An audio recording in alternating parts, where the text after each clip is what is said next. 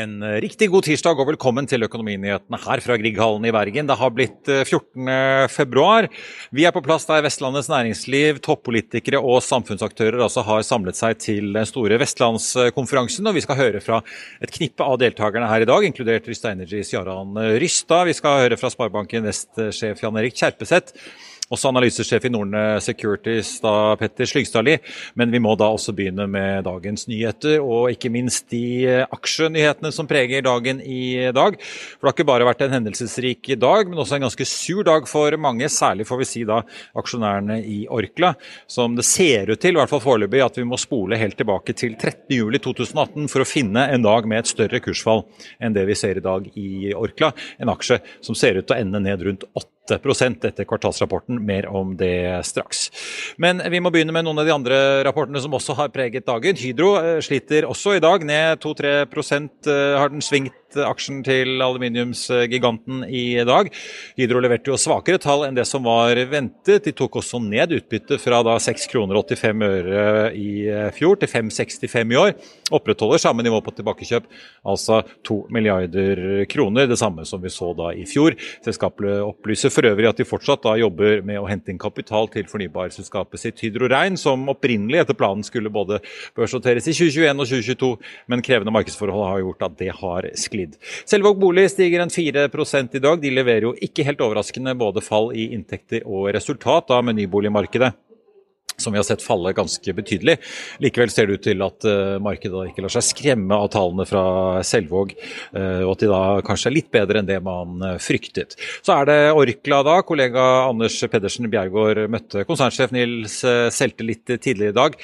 Aksjen hans sliter jo ganske tungt, ned altså rundt 8% etter at Orkla da leverte åpenbart svakere enn det markedet forventet.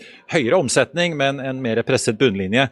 Og får vi si, til tross for økte inntekter inntekter fra kraftdivisjonen, så var ikke dette nok da for å oppveie for inflasjon, økte energipriser og andre kostnadsfaktorer som trekker marginene nedover. Her er eh, Nils eh, Selte litt tidligere i dag. Fjerde kvartal er et komplisert kvartal, hvor vi ser kostnadene velter innover konsernet på lik linje som det har gjort eh, tidligere kvartal. Vi ser egentlig at hele verdikjeden vår påvirkes av økte kostnader. Og vi ser kanskje spesielt energikostnader som påvirker store deler av vår verdikjede. Hvordan blir dere påvirket av private eh, labels? Private label er en konkurrent på lik linje som egentlig mm, mange andre konkurrenter vi har i de markedene vi opererer og Vi håndterer det med å prøve å lage best mulig produkter til våre, kunder og konsumenter, som de forhåndentligvis velger når de går i butikk. Eh, og vi kommer til å fortsette å investere i å bygge våre brands og bygge gode innovasjoner i framtiden. I 2023 skal dere kutte kostnadene med 1 milliard eh, kroner. Hvordan skal dere gjøre det? Det er, eh, det er, en rekke forskjellige tiltak som vi monitorerer veldig tett. Eh, vi har hatt en veldig grundig runde internt på å lete etter hvor vi kan ta ut kost. så Det går både på å endre altså reseptene for produktene noen steder. Det går på å redusere bruk av råvarer. Og så går det på administrasjonskostnader og andre, det vi kaller på engelsk SGNA. og prøve å ta ut det. Så det er en kombinasjon av mange forskjellige kostnader som vi ønsker å ta ut. Orkla er et spennende selskap. Det er et selskap med masse bra virksomheter, med mange bra brands i mange markeder.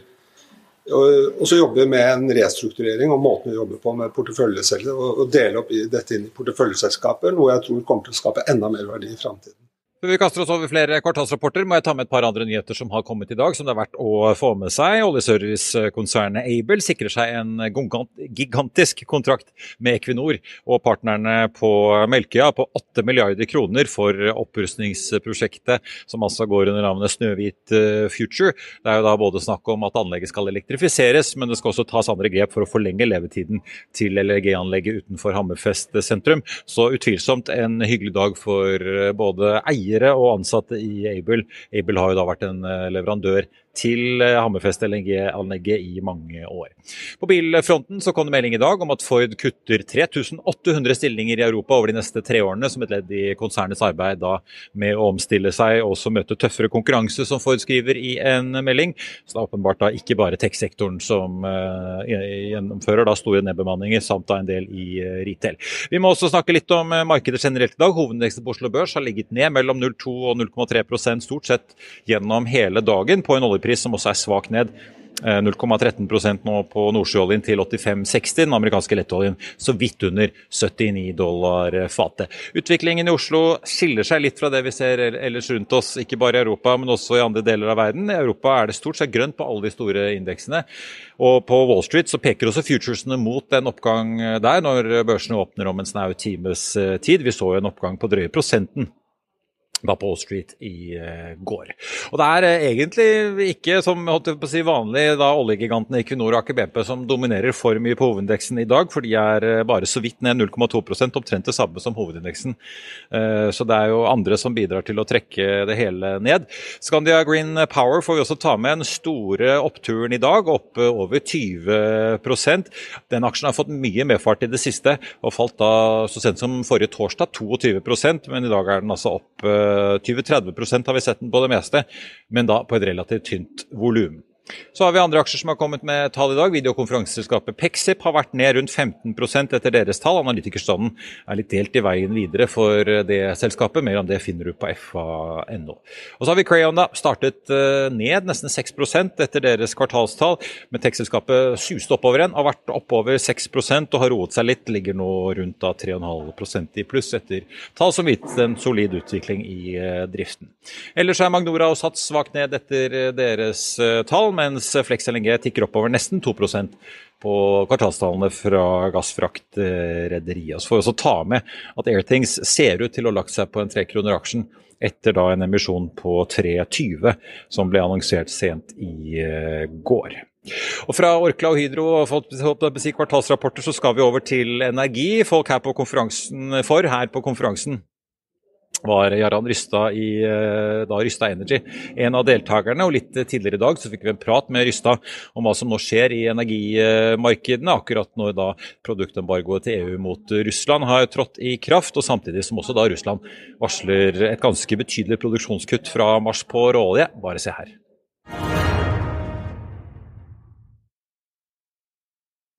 Da har vi fått med oss grunnlegger og sjef i Rystad Energy, Jaran Rystad, på plass her, rett av scenen og snart på vei taxi til Flesland. Så vi får gjøre det kjapt, Jaran. Ja. Takk for at du er med.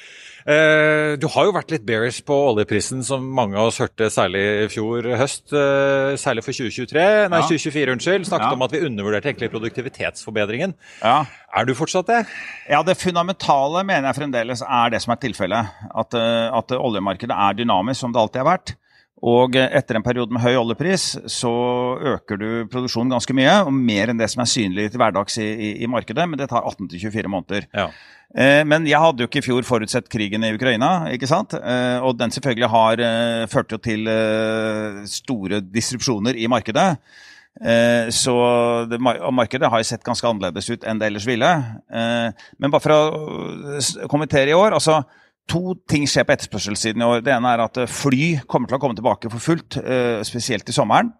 Og det andre er at også Kina mest sannsynlig er tilbake for fullt. Og klart Det er jo to drivere på etterspørselssiden som vil, som vil presse, ja. eh, presse, etterspørselen ganske mye opp. Eh, og så har vi en forsinkelse og en, og en si, kompleksitet på tilbudssiden ved at russisk olje må, må, transporteres mye lenger enn den gjorde før. Nå transporterer man russisk olje som før gikk til Europa rundt hele Afrika eller gjennom Suez til India, raffinerer det der, lager diesel av det og frakter det tilbake til Europa. Det er det som faktisk eh, skjer nå. Så det er utrolig bra for rederne. ikke sant? Men, eh, men det ført til en del forsinkelser og, og, og kompleksitet der. Og, og Vi ser også at det er litt mangel på raffineringskapasitet. Det har jo vært eh, veldig høye raffinimarginer, spesielt på diesel. Og det tror jeg kommer til å fortsette også. Så jeg tror at akkurat det året vi er inne nå, eh, kan bli i perioder litt trangt, og du kan få noen pris-flyups eh, på oljesiden. Eh, men som jeg sier, det fundamentale fungerer. Vi ser en enorm produksjonsvekst nå i USA. Mye større enn det som eh, du, du ser når du følger med på bare de selskapene som rapporterer. Eh, For det, det, det, private selskapet står for veldig mye av den økningen. Men vi følger jo med på dette på satellittbilder, og, og det er jo opp 25% i boring. Og den, de volumene kommer inn til neste år. Mest, mest, av dette her. Og infrastruktur, de bottlenecking som flaskehalsene tas bort ytterligere der. Så jeg tror fremdeles det er eh, at vi vil se et, et svekket oljemarked eh, neste år, i, i, i, tråd med som jeg sier, de, de, fundamentale syklusene. Ja, for Det virker jo som i hvert fall Brenten er litt seig. Nordsjøoljen litt seig på 80-tallet. virker som liksom, Den kan gå litt opp på 90, og så litt ned, men så ja. med en gang den er som på 79, så er det opp igjen på 80 med en gang. Ja, Og De daglige variasjonene der skyldes mange forhold. Eh, jeg fokuserer mest på de, de langsiktige og fundamentale forholdene. Tilbud og etterspørsel på lang sikt.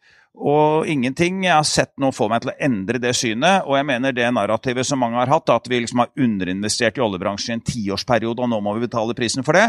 Jeg får ikke det til å stemme med de observasjonene jeg ser på den faktiske nye oljekapasiteten som kommer fremover nå, som blir ganske mye. Og selv med Kina inn, så ja. skal det ned, i hvert fall på sikt. Ja. La oss, uh... Litt opp først, kanskje, ja. og så ned. Så da skjønner vi at det investeres og bores uh, mye. Men la oss snakke litt om uh, det som, apropos Russland, som skjer. Ja. Fordi både nå så har vi hatt innføringen av EUs produktembargo, som kommer da etter oljeembargoet som kom før jul. Ja. Og plutselig så kom Russland ut her på fredag og sa at de ville kutte produksjonen sin med 500 000 fat dagen fra mars. Ja. Uh, som virket som en refleksjon av dette pris, pristaket fra G7, eller? Ja, altså, de, jeg tror det bare er en måte for de å opprettholde på si, sin ære på. ikke sant? At de ikke vil selge til de som tilslutter seg dette her. Så jeg ser på dette som et slags eh, skremmeskudd. Eh, den oljen eh, vil de uansett ha ut, og det er mer enn nok som tar den oljen også. Og vi har jo sett noen morsomme effekter i Kina f.eks., hvor tidligere si, hemmelig iransk olje har nå blitt dyttet ut til fordel for russisk olje. Hemmelig russisk olje, ja. ja, ja. Så det er mye som skjer, eh, og, og traderne er eh, veldig interessert i sånne dag-til-dag og uke-til-uke-detaljer rundt dette her. og Jeg tror ikke jeg skal ta de, de her. Nei, Det skjønner jeg, men, ja. men er, det liksom, er, det litt apropos det langsiktige bildet du snakker om, ja. er det sånn at russiske volumer går ned, eller eh, siver det bare ut i andre kanaler? På sikt så kommer det til å gå litt ned, for vi ja. ser at de sliter med å holde, opprettholde produktiviteten i Russland. Det, det, er en del indikasjoner på det, at eh, de mangler uh, utstyr og software. En tredjedel av høyteknologileveransen til Russland har falt bort, i hvert fall. Og det de får inn som erstatning fra Kina, er ikke like bra.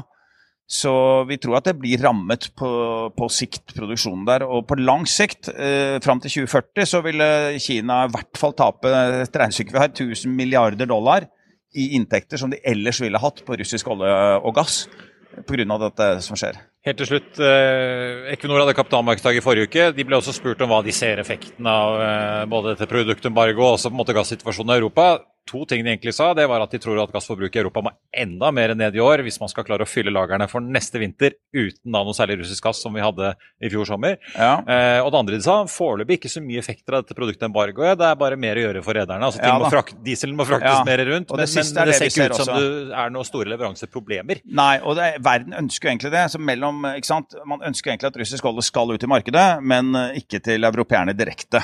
Eh, så oppnå på en måte den moralske gevinsten, samtidig som man oppnår ikke får for mye skvis i verdensmarkedet. Eh, når det gjelder gass, eh, så tror jeg det verste av gasskrisen er bak oss. Det kommer litt an på været. Det er altså veldig problematisk vær er ca. 30 BCM verre enn et veldig fordelaktig vær for, for gasslagrene. Men uh, oppgradering av disse nye importterminalene har gått fortere enn forventet.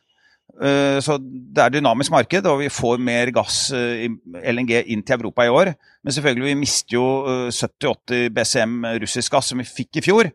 Og så industrien i Europa må fortsette å være nedstengt. Det er de som har tatt belastningen. Og, og så vil det bli litt lettere i 2024. Men fremdeles et stramt år, men vi klarer oss nok. Og jeg tror vi slipper slipper å dra inn nødbremsen, som ville vært, eller nødventilen, som ville vært å gjenåpne det store nederlandske gassfeltet Groningen, ja. det tror jeg får bli stengt. Og det, og det, er ja, og det er en slags temperatur uh, på hvor kritisk situasjonen er. Og så kritisk er den ikke at man da gjenåpner det med det uh, sprekker i grunnmuren uh, i den delen av Nederland som er konsekvensen av det. Og den, den ulempen der tar man ikke. Så stramt, men ikke krise. Men ingen stor gjenåpning for europeisk industri som har stengt ned? Nei. Nei. 24 kanskje, mm. men fordelen er at en del av industribedriftene begynner med nye metoder. Mm. Med mindre bruk av gass. Så de får en omstilling, bråomstilling litt tidlig, og det er bra for dem. Nød lærer naken kvinne å spinne ja. som dette. Jaran Rystad, tusen takk. Tusen takk. I'll see you in court.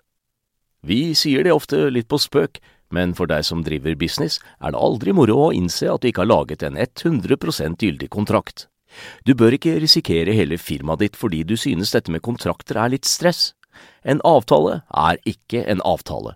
Du kan miste kunder, miste venner, ja, til og med miste inntekter om du ikke lager en skikkelig kontrakt, på alt mulig, egentlig. Men vi vet det er et styr. kopimaskiner, treg printer og haugevis av papir. Dessuten stoler vi jo på folk her i landet. Det er ofte litt kleint å skulle be om en signatur for alt mulig, ja, for mye av styret handler også om jakten på underskriften. Det finnes en enkel måte å løse dette på, Dukkobit, en trygg, effektiv og get this, gratis måte å sikre seg en god natts søvn pluss en juridisk bindende avtale. Dukkobit-appen har de strengeste sikkerhetskrav i bunn, samt en EU-godkjent og sertifisert teknologi. Framover vil det bli behagelig å spørre du, skal vi skrive under på det, eller? Kom i gang på dokobit.no. Og da skal vi videre over til to kjente fjes her i Bergen, får vi si. Vi skal snakke med analysesjef Petter Slyngstadli i Norne Nordne og sjefen i Sparebanken Vest. Og vi begynner med banksjefen. Vi er straks tilbake med Jan Erik Kjerpseth. Vestlandskonferansen eh, den er i gang for fullt. og Med oss nå har vi fått Jan Erik Serpseth, administrerende direktør og konsernsjef si, i Sparebanken eh, Vest. Du har blitt kalt primus motor for dette her? Ja, nå er det mange som har vært primus eh, for denne konferansen. Har, dette er faktisk det 20. året vi har konferansen, men vi har ikke hatt det i, denne, i dette formatet så mange år. Men utrolig opptatt av at vi er med og setter dagsorden i uh, regionen vår gjennom bl.a. denne konferansen. Jeg sa til Erik, Nord Erik Valen i Nordnær tidligere at uh, dere ypper dere mot denne Oslo-konferansen nå med 1500 stykk som ramler inn i Grieghallen her? Vi må ha høye ambisjoner, så ambisjonen må jo være at dette blir den viktigste konferansen i landet. Ja. Og så vet jeg at vi har tøff konkurranse fra NHO-konferansen, som òg er veldig bra. Spørsmålet er, blir bursdagsfeiringen til Sparebanken neste 200 år, blir den like stor? Eh, For den, den er også i år, har jeg skjønt? Ja, den, ja. Eh, den, blir stor etter hvert, da, men det blir, litt, det blir ikke ett stort arrangement. Det blir en del uh, arrangement underveis. Uh, vi skal markere at uh, denne flotte banken er, 200 år og Norges nest eldste bank i år. ja. Vi må høre litt om bakteppet for konferansen. for Det er ikke så lenge siden dere slapp denne vestlandsindeksen som dere har. Ja kurvene peker bratt nedover, var vel egentlig i hvert fall den overskriften jeg leste ut av det. Det så litt uh, dystert ut. Jeg trakk liksom sammenligningen til uh, koronaåret 2020. Hva er det som uh, gjør at mange av bedriftene i regionen er såpass pessimistiske nå? Ja, altså Dette er jo den dårligste forventningsindeksen vi har hatt siden vi begynte med Vestlandsindeksen. som det vi lanserte i går. Og, og det er klart at det er bekymra. Bedriftene er bekymra. Det er stort utfallsrom. Uh, prisstigningen er formidabel. Uh, det er krevende tider, det er krevende fremtidsutsikter. Så for så vidt en bekreftelse på det vi har visst, nemlig at utfallsrommet videre er krevende. og Bedriftene ser jo også at ikke vi kan forvente det samme støtten som vi fikk i, uh, når vi sto overfor pandemien. Så uh, dette blir mer krevende enn det vi har sett på veldig lenge framover. Men uh, som dere også skriver, vi vet jo det går bra i olje og gass. Jeg bet meg også merke dere skriver vel bl.a. i havvind så er det en del aktører som melder om relativt gode tider. men hvor er det, det, eller Hva er det som presser på de andre? Er det som du sier, er det mest inflasjonen? Er det energiprisene? Er det politiske skatteendringer som vedtas? Er det etterspørselsutsiktene? Det er rett og, slett, eh, rett og slett summen av det du er inne på, er det som er utfordrende nå, og som skaper usikkerhet. Og så må vi ikke glemme at vi vi kommer jo fra rekordgode tider. Ekstremt lav arbeidsledighet, eh, ekstremt gode tider. Så, så skiftet er, må jo ses litt i, i, det perspektivet også. Vi har jo ikke høy arbeidsledighet f.eks. Eh, og ser ikke for meg at vi får det med det første heller. Men eh, usikkerheten i sum er ganske stor nå, og større enn på veldig lenge. Vi må snakke litt om banken din nå. for uh, Dere har jo virkelig fingeren på pulsen uh, her. og Dere er jo veldig store, særlig i personmarkedet, men dere har også mye eksponering mot uh, bedriftsmarkedet. Leverte jo ve veldig gode resultater i fjor. Overskuddet økte, utbyttene økte, egenkapitalavkastningen økte. Er det, var det liksom siste hurraet før det kanskje bremser litt i år, eller hva tror dere? Vi tror i hvert fall at tapsbildet, som har vært veldig veldig lavt i veldig mange år, og kanskje unormalt lavt, skal opp. Så tror vi også at det er bedre tider for å kunne ta seg betalt vi får tilbake igjen rentenetto på innskuddene våre eh, etter hvert som renten går opp. Så, så vi hadde en egenkapitalavkastning på 14,6. Ser jo at eh, de aller fleste bankene har justert egenkapitalavkastningsmålet sitt opp for 13% Så jeg tror jo at vi skal klare å levere veldig god avkastning også videre, selv om tapene går litt opp. Fordi at vi ser at vi også får styrka rentenettoen bl.a. gjennom innskuddssiden. Og så vil jo konkurransen fremover avgjøre. men jeg tror jo også at vi har veldig gode tider foran oss, særlig på bedriftsmarkedet. Vi ser jo at de store nordiske bankene allerede er mer forsiktige. Og at vi går inn i det som kanskje er litt mer sparebankterreng, der vi har gode forutsetninger for å ta markedsandeler med fornuftig margin og fornuftig risiko. Ja, for Dere sier dere skal vokse 5% på privatmarkedet, 8% på bedrift. Er det noen spesielle næringssegmenter dere er spesielt interessert i eller ser muligheter til å vokse? Vi kommer ikke til å vekte oss opp i i én bransje eller to bransjer. Vi tror at det er gode kunder og gode bedrifter i alle bransjer. så vi tror jo at akkurat i den tiden vi går inn i nå, så er det gode muligheter for å plukke gode bedriftskunder som vi har hatt lyst til å ha på vår kundeliste lenge. Da. Så ingen spesielle bransjer, men uh, spesielt fokus på gode bedrifter. Og kanskje litt mer forsiktig næringseiendom. Da. Eh til slutt litt sånn, Dere må jo også ut i markedet og hente penger som alle andre. Renten øker, ja. Rentenettoen går jo stort sett positivt for dere og andre banker. Men gitt det bildet, da, Dere skriver jo i siste kvartalsrapporten at dere ser tegn til at finansieringskostnadene deres også øker. Er det bare fordi at rentenivået har økt så mye, eller er det fordi også utenlandskapital er litt mer forsiktig med Norge som sådan? Kredittspreddene har jo vært veldig lave, og det er ikke unaturlig at de går litt ut, sånn som vi ser. og at også finansieringskostnadene våre går litt opp. Så, så eh, det, det, er en helt åpenbar utfordring og, og, eh, en ting som vil prege oss litt videre. Samtidig så tror jeg nok at vi, vi eh, skal klare å ta oss greit betalt på bedriftsmarkedet. Og så er jeg litt mer usikker på personmarkedet. Der blir nok konkurransen enda litt tøffere. Derfor har vi justert ned vekstmålet vårt fra 6 til 5 som var vekstmålet vårt i 2022, kontra 2023. Så har du jo en, eh, får vi si, en fellesbank her i byen som er blitt snappet opp av eh, storbanken i Oslo. Ja, og Derfor så er vi opptatt av å bygge den nye S-banken gjennom Bøhler Bank. Og, og, veldig opptatt av at vi klarer å nærme oss målet vårt om 36 milliarder i utlån for det konseptet ved utgangen av året. Da. Så det blir et veldig spennende år. og Vi er også veldig spent på 2. mai når eh, det skal skje litt i den banken. Jan-Erik Sepseth i Sparebanken Vest får vi si. Lykke til med resten av dagen og lykke til med jubileumsåret. Tusen takk for det. Da har vi fått med oss analysesjef eh, Petter Skyggstadli i Nordnes Securities fra får vi si, midt i minglestormen her i Grieghallen i Bergen. Her koker det i dag. Ja, var, det var veldig eh, til et buss her. Det er deilig når det ikke er pandemi lenger. Ja, ja, ja. Folk bergensere spesielt kan uh, treffe hverandre. Det varmer jo bergenske, bergenske sjeler, det. Ja da. Nei, dette var, var en flott uh, seanse. Vi skal snakke litt om uh, porteføljen deres i Nordne, men vi må nesten begynne med dagens uh, to store kvartalsaksjer, hvis vi kan kalle det. Orkla og Hydro. Ja. Orkla ned nå nesten 8,5% Hydro ned 2,5 ca. Men altså, hvorfor tror du det, det, denne voldsomme negative reaksjonen kommer på Orkla?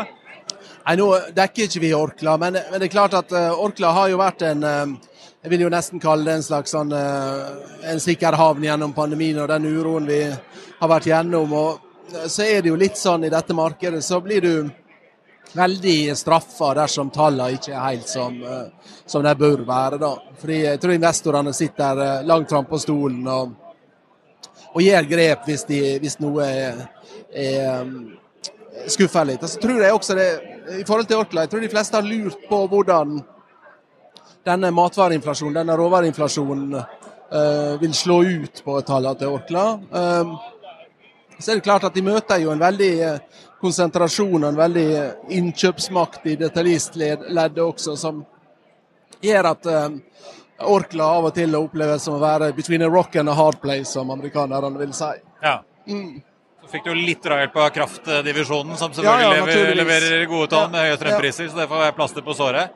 Ja, Hydro, da? Du, det var jo litt ned på litt redusert utbytter og Ja, sånn som analytikeren vår i og for seg har vært på, på ballen i forhold til. Jeg, det er klart at um, Jeg har ikke sett på tallene, jeg har vært opptatt med denne flotte konferansen. Men, men um, vi har vært litt uh, vi, vi, har trodd at uh, det kommer litt kapasitet uh, på banen i forhold til aluminiumsmarkedet, at vi får litt lavere etterspørsel. Og at det vil slå på aluminiumsprisen. og vil ramme Hydro etter hvert. og Det ser vi litt uh, tendensen til i dag. Mm. Vi snakket jo med Jaran uh, her i sted, og mye om olje og gass og produktembargo fra Russland. Men uh, han snakket jo her inne bl.a. om uh, litt hva som skjer i Sol og med Kina, som du bet deg merke i. Ja, ja altså jeg, vi er jo Vi liker jo Scatec og syns at det er en spennende aksje. og Nå falt jo polysilikonprisene ganske kraftig i januar, men så har de kommet kraftig opp igjen, og vi får en ny, eh, vi får en ny eh, datapunkt nå i, i, morgen eller torsdag. Det er klart at Når vi snakker om dette, her, det er jo ikke så gøy, disse ballongene som skytes ned i over Nord-Amerika. Nå er Over Canada og USA, ja. Det er jo ganske høyt spenningsnivå mellom Kina Ja, det det, og, Nato og USA. ja. Det er det. Og um, veit vet ikke vi om de siste er, um, er kinesiske, da, men det er klart at i forhold til en sånn Det som Jarand Rystad viste, var jo at den der uh, solpanelverdikjeden er jo eid av kinesere. Det er kineserne som regjerer den. Um, sånn at dersom vi skal få til et grønt skifte, spesielt på dette med solcellepanel, så er vi nødt til at, eh, at den der eh, forholdet mellom Kina og, resten av verden holder seg på et brukbart nivå. Kanskje den, eh, den sektoren vi synes er mest eh, at risk. Da. Aluminium, olje, naturgass, kull. Dette er jo lavteknologiske produkt. sant? Det er ikke noen kunnskapsbiter Kina trenger de. Jeg tror de vil være er skjerma. tilbud og etterspørsel, litt enkelt Ja, sagt. ja. Så jeg tror at det, og det er liksom Du kan selge det til Vietnam, og så kan de selge det til Kina hvis det er så fælt. Eh, sant? Sånn at det tror, jeg, det tror jeg vil holde. Og der innenfor shipping. sant? Ingen tør å bestille båter.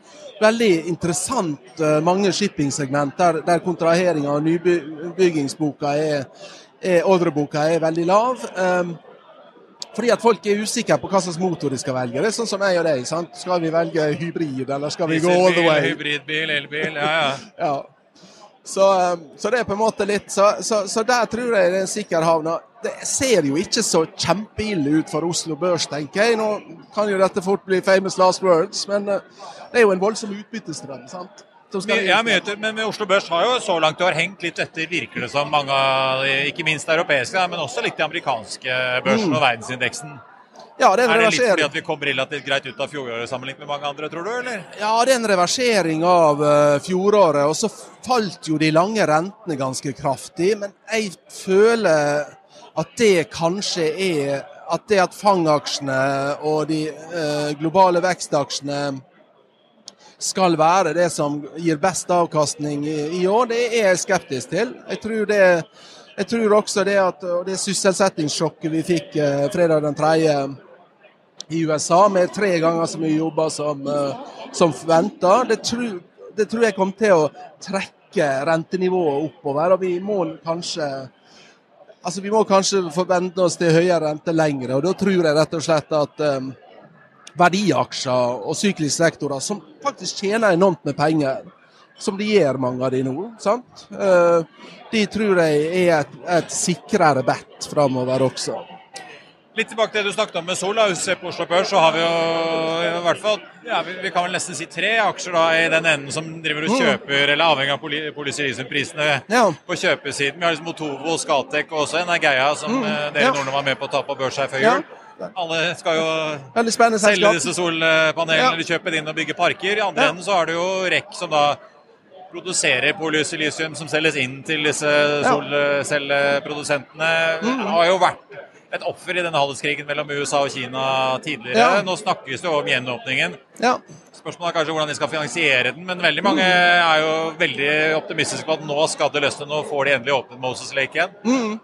Ja da, så denne Inflation Reduction Act kan jo være Inflation Increasing Act, sant? Ja. men da må du øke produksjonen i USA. Og det kan paradoksalt nok REC nyte godt av. Nå har ikke vi dekning på REC. og jeg tror du og Karl Johan eh, kjenner det caset enda bedre, men det kan jo paradoksalt nok bli en, bli en sikrere havn i solcelleverdikjeden. Eh, Energeia liker vi veldig godt. Eh, så er det jo sånn at solcellepanelet i Norge er jo mye eh, dyrere enn det i Nederland f.eks.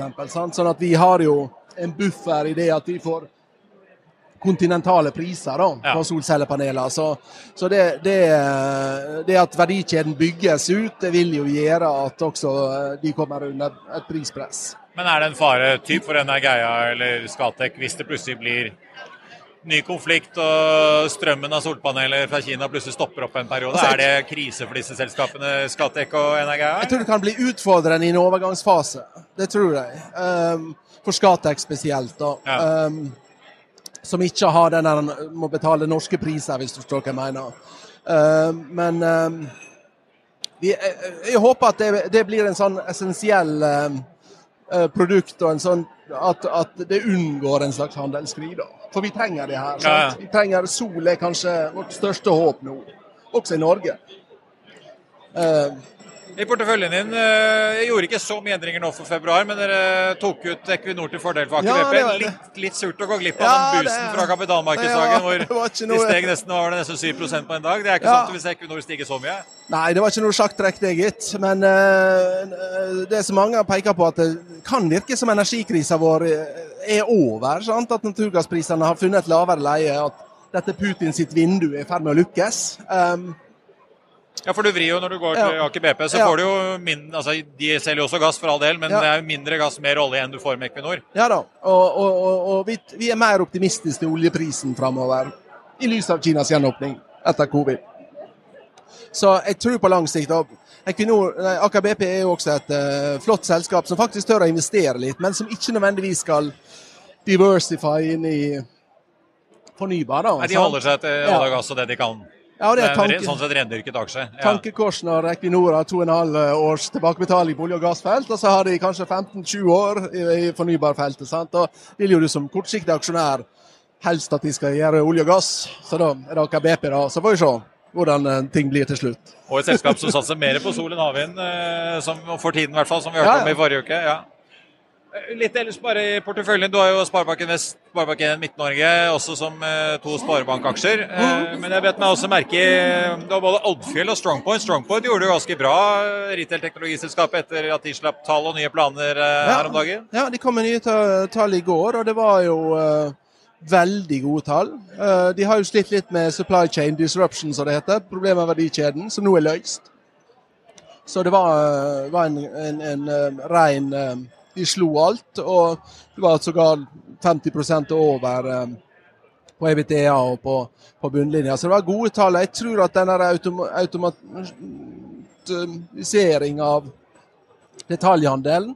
De bruker jo, selger jo også Autostore-teknologi, også som teknologi som sparer arbeidskraft og sparer space. Um, det tror jeg veldig på. Så, og Strongpoint er et, eh, med disse tallene et veldig rimelig vekstselskap, men det er jo ikke superlikvid. Folketrygda har litt problemer med å kjøpe seg opp til en 5% andel f.eks. uten å drive kursen. Ja. Ja. Der har du kanskje et, et lite gulv, om ikke annet, eller noen som i hvert fall dytter opp fra bunnen på kursen. ja. Kort til slutt, eh, Oddfjell opp, eh, den ligger vel opp en 20% så langt i år, bare. Det, den har du også porteføljen. Hva er det du ser i hva skal vi si, terminal- og kjemikalietank?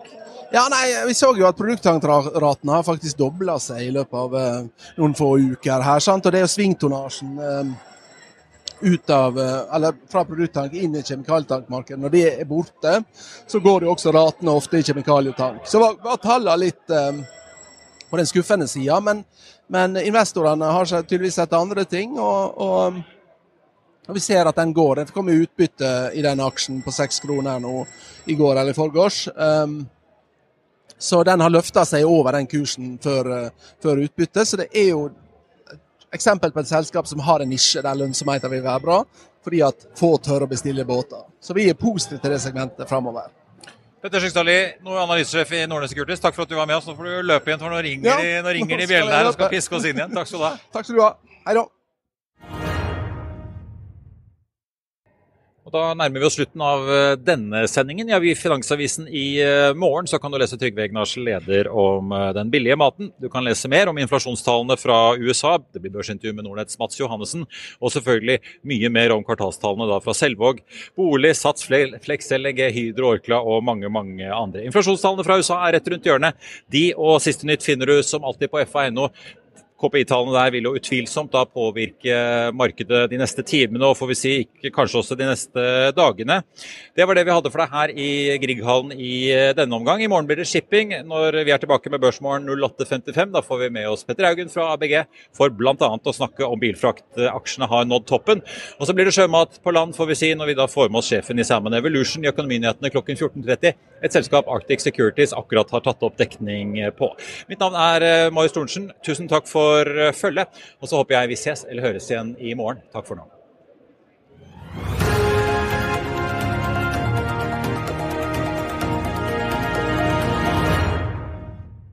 Økonominyhetene er en podkast fra Finansavisen. Programledere er Marius Lorentzen, Stein Ove Haugen og Benedikte Storm Bamvik. Produsenter er Lars Brenden Skram og Bashar Johar. Og ansvarlig redaktør er Trygve Hegnar.